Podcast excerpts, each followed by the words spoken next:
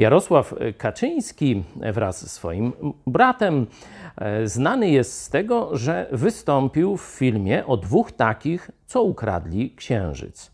Ale ja chcę Wam pokazać, że oni nazwę Prawo i Sprawiedliwość Jarosław Kaczyński ukradł Bogu.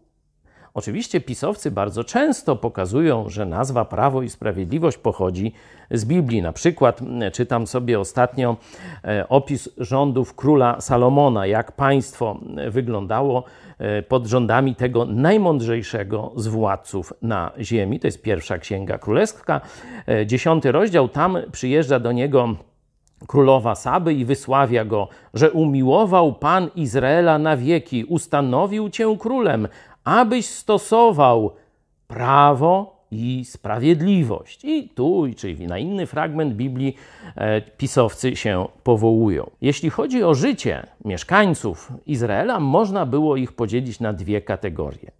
Pierwsza to byli niewolnicy, coś jak na kształt chłopów pańszczyźnianych, głównie z innych narodów, e, którzy zamieszkiwali czy zostali podbici przez Żydów. Oni odrabiali pańszczyznę, czyli wszystko musieli robić, co pan kazał.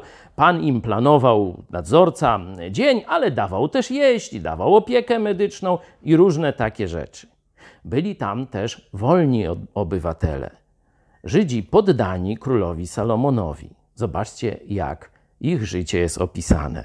To jest czwarty rozdział pierwszej Księgi Królewskiej. Judejczycy i Izraelici mieszkali tedy bezpiecznie. Czyli po pierwsze, mieli zagwarantowane zarówno bezpieczeństwo zewnętrzne, jak i bezpieczeństwo przed wymysłami kolejnych pomysłów króla. Ale jest coś więcej. Każdy pod swoim własnym, pod swoim krzewem winnym i pod swoim drzewem figowym. Własność prywatna.